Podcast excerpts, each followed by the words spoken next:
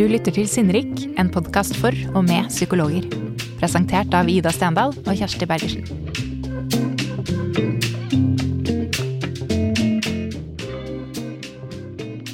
Hvor lenge varer et terapiforløp? Iblant er det forhåndsbestemt. Man følger et program med faste rammer. Og i andre situasjoner har man kanskje en uformell regel om et visst antall timer. Andre ser på terapi som et langsiktig utviklingsprosjekt, noe som kan gå over flere år.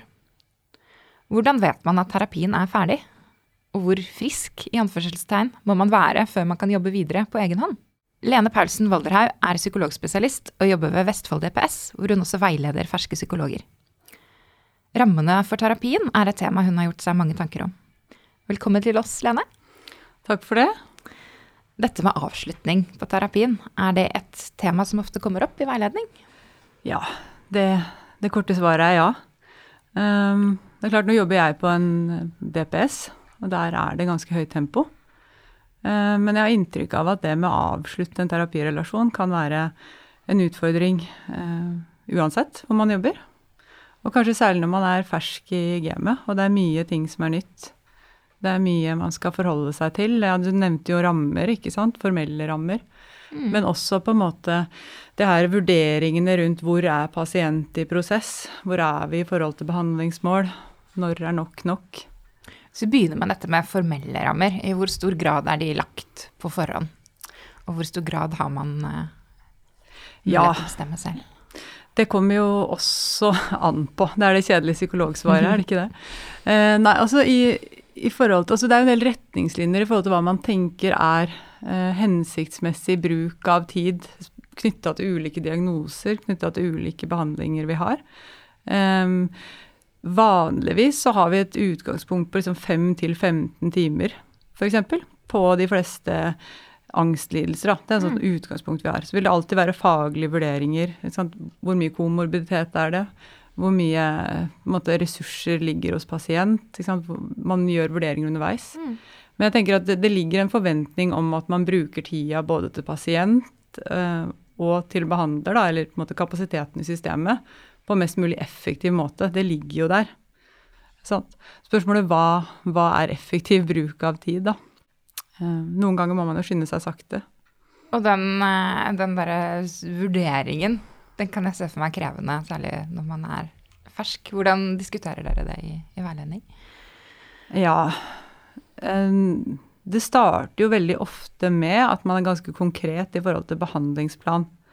Um, det er jo sånn at vi har en del eh, sånne formelle vi, Når vi starter opp, så har vi en innkomst, og så har vi ofte en utredningsfase. Og når vi kommer til å ha satt en diagnose og blitt enige om en måte, et eh, prosjekt sammen, da, på sett og vis, et behandlingsprosjekt, så handler det om å sette et konkret behandlingsmål og bli enige om måte, midlene for å nå det målet, og også hva vi tenker er en sånn estimert tidsbruk. Da. Så da, da når vi er i, i en sånn eh, ny veiledningsrelasjon, så handler det ofte om at vi rett og slett ser litt på det dokumentet litt sammen, og snakker om hvordan kan vi ha en god samtale med pasienten om det. Sånn, hva, hva, er viktig for pasient? Hva, hva, konkret er det du vil få til annerledes i livet ditt? Eh, hvordan skal vi jobbe for å få til det? Og så på en måte ha en samtale med pasienten om hva er realistisk. Sånn ofte på DPS så er det kanskje time en gang i uka eller time hver 14. dag. Så og så lenge. Eller det kan være at man opererer med intensive format. Eller at man har digital behandling som har noe oppmøte og noe mer, liksom større innslag av mm. egenarbeid. Så hovedsaken er kanskje at man blir enige om på en måte eh, både mål og en slags vei mot det målet, da. Som begge parter tenker gir mening, og som mm. er liksom litt sånn både faglig fundert, men også som handler noe om at det er et prosjekt vi har tro på. At vi har tro på at kan nytte, og som på en måte er realistisk, da. Er det en tendens, opplever du, til at eh, ferske psykologer kanskje er litt mer optimistiske og ambisiøse med tanke på hva man skal få til et terapiforløp? Nesten omvendt. Okay. Jeg, jeg, har inntrykk av at mange har litt dårlig selvtillit, nesten. Mm. At det er liksom krevende å sette konkrete mål. Mange er liksom redd for å, å, snakke med pasienten om at ja, det tror jeg vi kan få til. Okay. Mm. Sånn, sette konkrete mål. Det blir kanskje litt mer sånn ja, vi skal jobbe med det, vi skal, vi skal, et stykke på veien. Det blir veldig fort gjort at det er litt sånn diffuse mål. Okay. At, um, så, så, ofte så mye av den veiledningen går liksom på å prøve ok, så i, i en verden der du f.eks. har det bedre med følelsene dine, eller der du fungerer bedre på jobb, hvordan vil det konkret se ut? Hvordan vil vi vite at vi er nærmere det? Eller hvordan vil vi vite hvis vi står fast? Sånn at man må på en måte ofte jobbe litt med å få den behandlingsplanen eller behandlingsmålet til å være litt konkret. Eh, og målbart. Og da mener jeg ikke nødvendigvis målbart i form av liksom skjemaer og tall og sånn, men at vi sammen kan enes om at ok, så hvis vi er på rett vei, så vil du f.eks. se at du får til å delta i lunsjen, ikke sant? Eller ja, så, så det å ha det bedre med meg selv, det vil si at jeg kanskje um, greier å takke ja til flere invitasjoner fra vennene mine. Hva, hva konkret vil det si? Mm. For da har man lettere for å på en måte se hvor man er i prosessen, da, som man har blitt mm. enige om å jobbe mot. Mm. Ja, for når du sier forventningsavklaring, så så jeg liksom først for meg at, at, man må på en måte begrense forventningene til hva man kan få til, men det kan like så godt handle om å peke på hva man faktisk kan klare å få til. Ja. ja. ja. For det blir ofte at det blir veldig sånn diffust, da. Jeg vil mm, ha det ja, bedre, f.eks. Mm. Og hvis pasienten sitter med en tanke om hva det vil si, um, og, og eller kanskje ikke en klar tanke om hva det vil si, og, og vi sitter i andre enden og skal forsøke å, å, gjøre noen evalueringer om hvor er vi i forhold til det, uh, så kan det bli ganske krevende, da. Mm. Hvis man sier si man har satt av uh, 10-15 timer, da, så mm. er man halvveis, og så spør man igjen ja, ja, hvordan er det nå, er vi på vei? Ja, jeg føler meg fortsatt ikke bedre. Ikke men, men, hvor var utgangspunktet da? så det er liksom det å ha en liksom tanke om at jeg syns ofte det å se på hva er det, hvordan vil livet bli annerledes, da? Hvordan konkret, hva er det du ønsker å få til? Og det er kanskje litt sånn der um, Når vi møter folk, så er de jo ofte fylt opp av følelser, og de er fylt opp av, av uh, en situasjon her og nå. Altså det at vi skal da invitere de til å bli litt sånn konkrete, det kan noen gang mange synes er litt sånn fremmed og uvant, særlig i starten, da. Mm. Hvordan blir det da med tanke på varighet av terapiforløpet? Opplever du ofte at pasienter ønsker at det skal vare lengre enn det du har sett for deg, eller, eller er det oftere terapeutene som, som, ikke føler seg ferdig og gjerne vil holde på litt lenger, eller? Det kan jo være begge deler, men jeg tror det er, det er vanligere at, at, pasienten kvier seg for å avslutte. Um, altså, det, det handler jo kanskje noe om jeg tror at når man er i en relasjon der man kjenner at man får hjelp, der man jobber sammen om noe som er viktig for meg, uh, og man kanskje har våga å begi seg ut på, på, noe som er fremmed og skummelt for en sjøl, uh, så kan det kjennes veldig sånn skummelt ut å gi slipp på den, den, eh, den hjelpa man har fått. Da. Man kan tenke seg at ja, her har jeg hatt noen som har gått et stykke med meg inn i et litt sånn ukjent landskap. Og når skal man på en måte si, si takk, jeg går mm. videre selv? Det tror jeg er sånn vanskelig for pasienten å ta ansvar for, på en måte, da. Um, så jeg tror at vi liksom ved å ha liksom sånn kommunikasjon ganske tidlig om at jobben vår er på en måte å gjøre oss arbeidsledige, da. Det er viktig, viktig å spille pasienten god på at det, det, vi jobber med her, er det du som skal eie, ikke sant. Mm. Og man kommer jo fort i en posisjon der, der pasienten tillegger mye av endringen, altså det man har fått til, at, at det handler om, om, om, hva vi har jobba med sammen. Men det å liksom hele tida synliggjøre at det er pasienten som egentlig går veien i sitt liv, og vi jobber litt sammen, da, det tror jeg kan gjøre det litt sånn lettere for pasienten også. Og, og ikke kjenne, kjenne, det så sårt og så skummelt, og gi slipp på, på det følget da, som vi er. Marit Råbu har forsket litt på det med avslutninga av terapi. Jeg leste hun skrev at uh, hennes forskning så, så hun at terapeuten og pasienten var veldig opptatt av å ivareta hverandres følelser. Og At det var lite direkte prating rundt avslutning. Mm. Er vi for unnvikende, tror du, når det gjelder å snakke om avslutning? Både i oppstart av terapien og, og fortløpende underveis? Jeg tror det veldig fort kan bli sånn, hvis, hvis man ikke er bevisst på det. Uh, og der er jo, ikke sant, det er mange som syns at det er mange som det, Apropos det vi begynte med, sånn rammene rundt, rundt, det å jobbe uh, Jobbe med f.eks. behandlingsplaner, jevnlige evalueringer, en del av disse kravene vi har.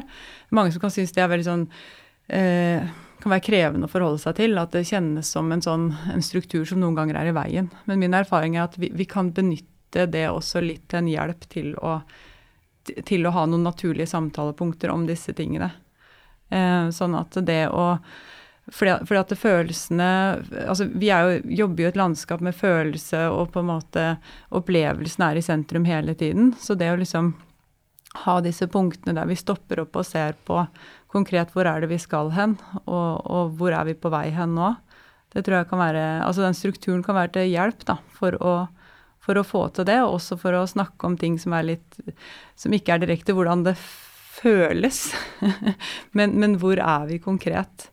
Og så syns jeg at det å validere den andre sin følelse i den prosessen, det, det, det, kan man jo absolutt gjøre. At når vi snakker om avslutning, så kan vi snakke om at det er krevende.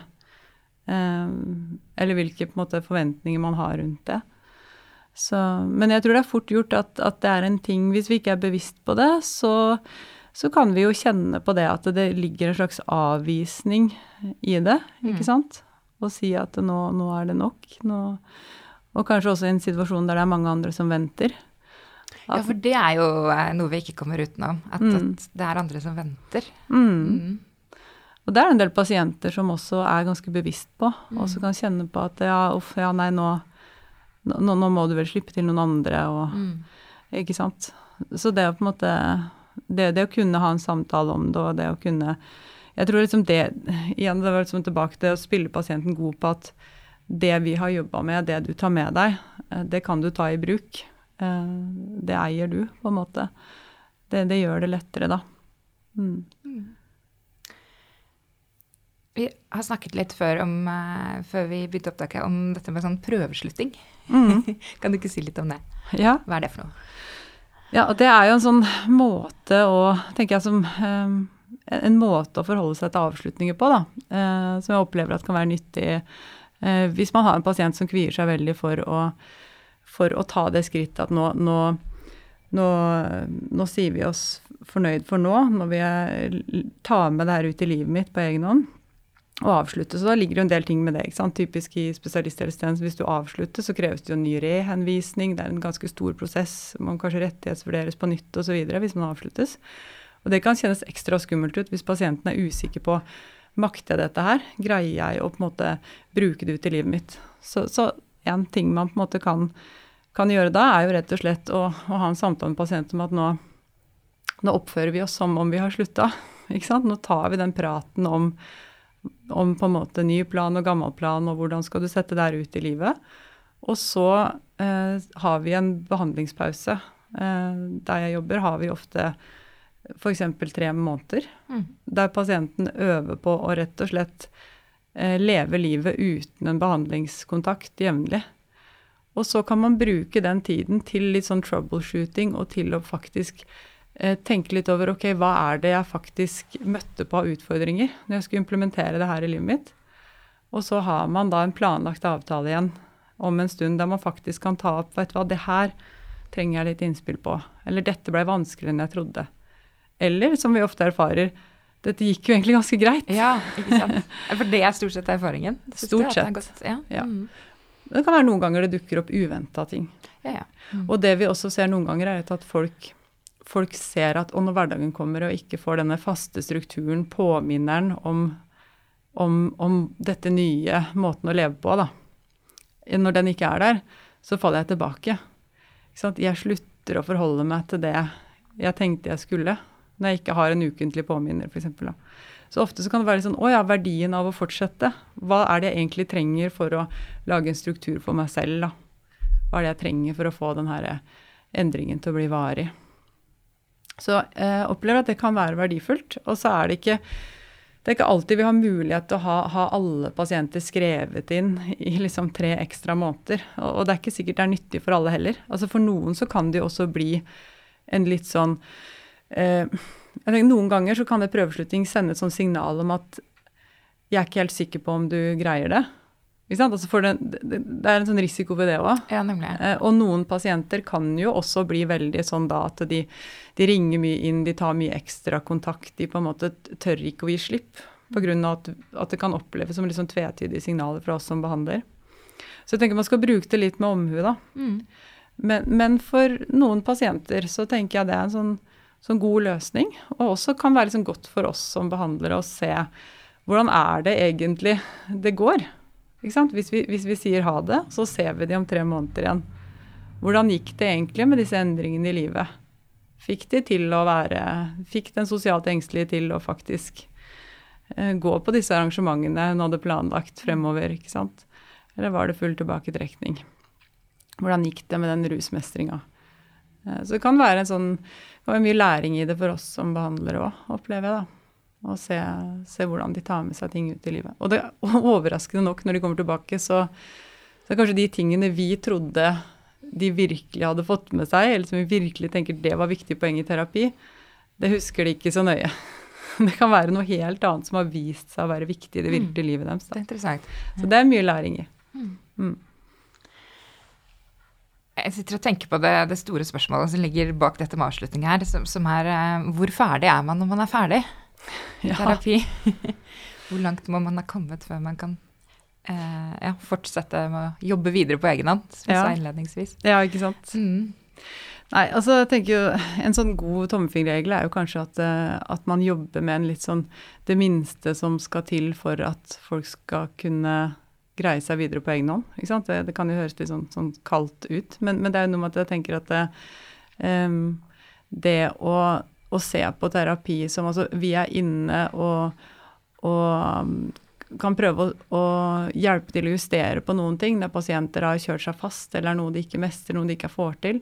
Og så på en måte tenke at det, så fort de har anledning til å prøve seg ut i livet og på egen hånd, så, så, så bør de egentlig det. det. Det er veldig fort gjort at man lager en slags avhengighetsrelasjon, og der folk kan kjenne det, kjenne det vanskeligere å slutte enn det trenger å være. Og så kommer det jo veldig an på hvor man jobber og hva slags syn man har på terapi. Det her, ikke sant. Um, hvis man har en, en eh, arbeidsrelasjon sammen der, der, man på en måte definerer selve terapien som, som en snuoperasjon, eller som en, en måte, prosess der man skal lære verktøy for å håndtere ting, så er det lettere å forsvare og avslutte tidlig. Fordi man trenger å øve på ting på egen hånd. Mm. Så, så jeg tenker at det, det, det, når man er ferdig, det er jo også viktig å avtale i starten, som sagt. Og avklare metodikk man jobber etter òg, og avklare forventninger i forhold til det. For det kan jo være avhengig av hva man, hva man jobber med, og hvordan man blir enige om å jobbe, da. Mm. I den første episoden i vår så snakket vi med Didrik Hegdal. Og da snakket vi om autonomi og ansvarliggjøring. Og det er jo en vanskelig balanse, syns jeg, dette med ja, omsorg versus ansvarliggjøring, kan man kanskje si. Um, er det å holde på pasienter som egentlig er klare for å fortsette på egen hånd, en slags umyndiggjøring? Ja, det, det, tenker jeg jo det absolutt kan være. For det er liksom noe, sånn som jeg var litt inne på med den prøveslutninga og sånn, ikke sant. At hvilke signaler sender ja. vi egentlig? Liksom med med å, å, å, å si at jeg, jeg, tenker du trenger meg lenger.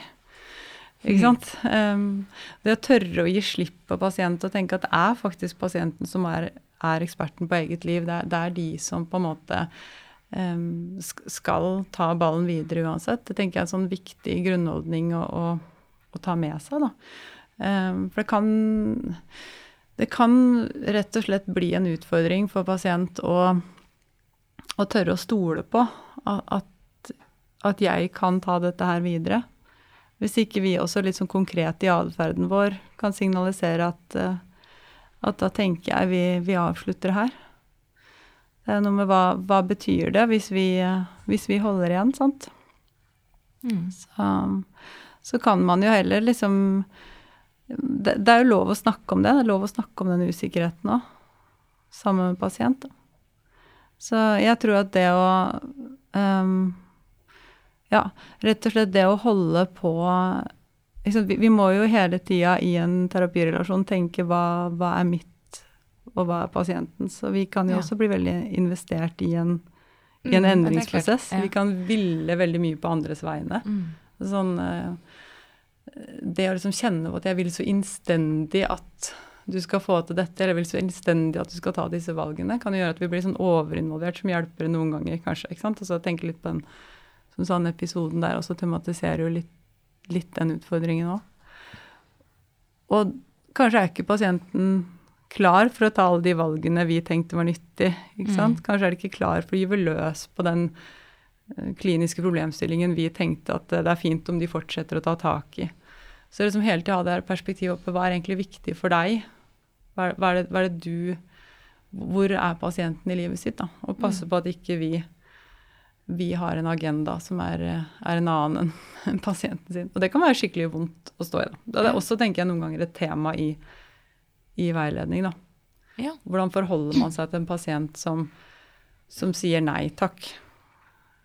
Til, til det du foreslår? Ja, så det som, som for oss kan se litt som åpenbart nyttig og lurt ut, til den, den avrusningen, ikke sant, eller Mm, til mm.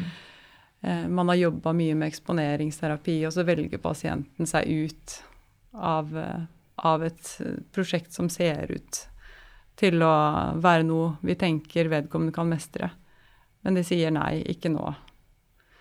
Så, så det, er, eh, det, det ligger noe i den derre balansegangen mellom å synliggjøre hvilke muligheter har man, og, og, og hva kan hva er mulighetene i terapi og i utviklingsprosjekter og sånn, men, men også kunne la det ligge hos pasient, da, hvilke valg man faktisk tar. Og, Mm. mm. Opplever du at det er en uh, ramme, jeg på å si rollefordeling nesten, som, som de fleste pasienter syns er positiv? Eller kan det slå andre veien, at det oppleves som vel mye ansvar legges på, på den som kommer og ber om hjelp? Ja, det, det er jo eh, en del som kommer og ber om hjelp, som har for det første venta veldig lenge med å søke hjelp, og som kanskje har en tanke om at eh, når man først kommer eh, inn i en behandlingsrelasjon, så, så skal liksom endelig noen fikse opp. Noen skal Mm. fikse meg. Mm. Noen skal på en måte ta vekk det vonde. Og så er kanskje mye av det vi jobber med, handler heller om hvordan forholde seg til. Sant? Hvordan Lære å leve med, Ja. Mm. Lære å, sant? lære å forholde seg til vanskelige tanker og følelser, til, til, til utfordringer i livet, heller enn at en terapi skal kunne fjerne det. Så, så der ligger det jo også en sånn stor utfordring eh, også i å utforme en behandlingsplan og skape en allianse der man er enige om hva det her handler om, men også på en måte den prosessen underveis der mange, kanskje, mange pasienter håper i det lengste at på et eller annet tidspunkt ut i terapien så skal det på en måte så skal alt det vonde bli borte, eller um, Ja. Det, det er jo ikke sånn at nødvendigvis livet blir magisk mye lettere å leve etter en terapi. Det kan være at man faktisk eh, lærer ting som man må forholde seg til på nye måter som er ganske krevende. Mm. Um, så, så det kan også, og det, kan også ligge i oss, da. At vi har et ønske om å ta vekk det vonde, eller ta vekk eh, Og liksom kunne fjerne eh, et ubehag, f.eks., som er der. Som, som vi kanskje egentlig ikke får til. Så, så det kan absolutt være krasj i forventninger. Det kan det. Mm. Og det tror jeg også mange nye psykologer kan, kan synes er ganske, ganske krevende i starten av arbeidslivet, da. Å se, se litt på, på totalen. Både, hva, hva er det pasienter bærer med seg, hva er det vi faktisk får bidratt med. Mm. Um, Ja, for det, det syns jeg i hvert fall er en vanskelig balanse. Altså det med Man vil jo gjerne formidle eh, håp. Ikke sant? Nå, nå skal du få hjelp, og det, du, du er verdt tiden min, ikke minst. Når, man, når du snakker om dette med at mange pasienter er bevisst på at det er en venteliste, og? At, at det er den ene siden av det. Og så er den andre siden at man må avklare litt, eller ja, realitetsorientere litt kanskje hva man kan få til. Mm. Ja, så tenker jeg det å men, men det ligger veldig mye håp i det å eh, på en måte erkjenne at man, man kan mestre mye ubehag. Man me kan mestre mye som er vanskelig, da, på nye måter, uten at vi nødvendigvis trenger å fjerne det. Eh, sant? Så, så det å, å jobbe sammen med hvordan man skal forholde seg til Jeg syns ofte at det liksom eh, Det gir veldig mye mening, da. Og når pasienten på en måte velger å tre ut av en hva skal vi si, en offerrolle i, i livet sitt, da, ikke sant? En, som ofte er en sånn veldig sånn vond posisjon å sitte i, og kjenne at jeg er helt overvelda, jeg får ikke til ting. Eh, jeg er avhengig av hjelp, ikke sant. Det blir en sånn lite autonom posisjon. til å se at ok, eh, jeg må, jeg må gjøre ting annerledes. Dette er utrolig krevende for meg, men jeg har disse verktøyene. Eh, jeg strever, men jeg kan komme meg fremover. Det gir mening, på sett og vis. da. Så, så, så, tenker man kanskje litt annerledes om det enn når man kommer inn i terapi. da. Man har en tanke om at, at, at jeg må hjelpes, men, men, på vei ut så er jo målet forhåpentligvis at man tenker at, at uh, det er mange ting her jeg kan jobbe med, og, og nå veit jeg hvordan. Mm. Um, så jeg tror også det å Men det er jo litt sånn, sånn krevende å, å, forholde seg til som terapeut også, at vi, vi, får jo ikke tatt vekk det vonde for folk. Vi får kanskje vi, vi får kanskje mer hjelp av de på veien, da. Og så kan det være helt intenst eh, måte, tilfredsstillende da, når man har f.eks. en sånn tre måneders oppfølging, og så møter man en en pasient som virkelig har tatt tilbake livet sitt, og som mm. sier at det er liksom uh, Livet er heftig, men, uh, men jeg, får til, jeg, får til, det som var viktig for meg nå. Ikke sant? Jeg, er, uh, jeg lever et liv som er fylt av krevende ting, men jeg er ikke overveldet, jeg er ikke satt ut. Jeg sitter ikke i den, den posisjonen der jeg kjenner meg helt på siden av livet mitt lenger. Mm. Så, så det kan være mye håp, og det kan være veldig meningsfullt å være være terapeut i en sånn prosess også. Mm. Hvis du eh, som veileder skal gi noen, eh, noen, gode råd til, eh, til ferske psykologer om dette med å eh, ta opp avslutning som tema, hvordan man kan forholde seg til det, snakke godt om det med pasienten, hva tenker ja. du på da? Hva jeg tenker på da? Jeg tenker jo Det er liksom hvordan man velger å å snakke om terapi og introdusere liksom helt fra starten. Jeg har jo nevnt behandlingsplan og sånn. Men også på en måte å skaffe litt oversikt over hva er det som er? At, at pasienten begynner å ha en sånn tanke om hva er det som er viktig for meg, hva er det som er et meningsfullt liv for meg. Hva? Vi bruker mye den derre ta tilbake livet. Mm.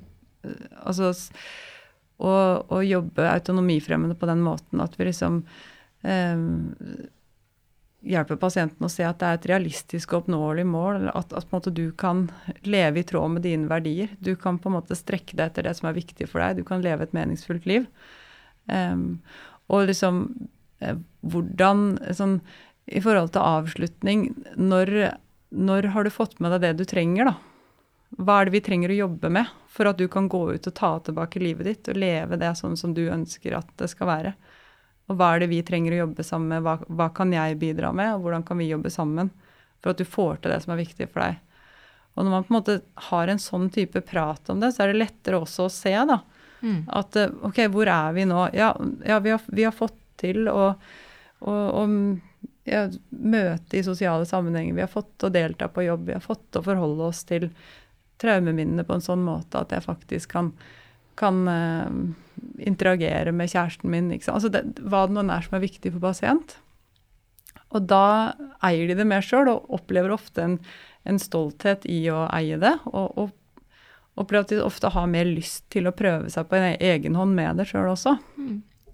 Så, så, jeg syns det, det, kanskje det handler litt om språket, og det handler litt om hvordan vi snakker om behandlingsprosjektet helt fra starten av.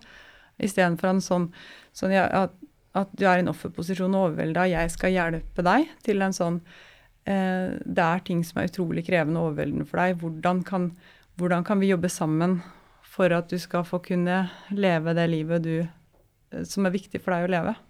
Mm -hmm. så, så, så, tenker jeg at vi er forskjellige som personer, og vi må finne måtene vi eh, Så prøve oss frem litt, da. Måtene vi snakker med pasienten om det her på. Og da tenker jeg sånn, Som veileder så liker jeg veldig godt å bruke f.eks. rollespill og simulering. da, For rett og slett øve på å finne noen. Eller man kan gjøre det i speilet for seg sjøl, eller man kan prøve seg frem i arbeidssituasjonen. Men det å finne hvordan tematiserer jeg det her? Mm, finne sine egne ord å bruke. Mm. Ja. Og så anbefaler jeg alltid å, å bruke liksom, strukturen litt som hjelp. Vi, vi, skal legge en behandlingsplan, vi skal ha evalueringspunkter. Det å faktisk ta det opp jevnlig. Um, at uh, nå jobber vi sammen, og vi har den tida. Hvordan bruker vi den best mulig? Hva er mest nyttig for deg? Og nå er vi halvveis. Hvordan går det, syns du? Skal vi gjøre noe annet? Mm. Ikke sant? Skal vi gjøre mer av dette? Hva trenger vi å ha fokus på nå? Så det er rett og slett snakke om rammene sånn som de er, og snakke om at avslutningen er, er der, da. Tusen takk, Lene. Takk for at jeg fikk komme.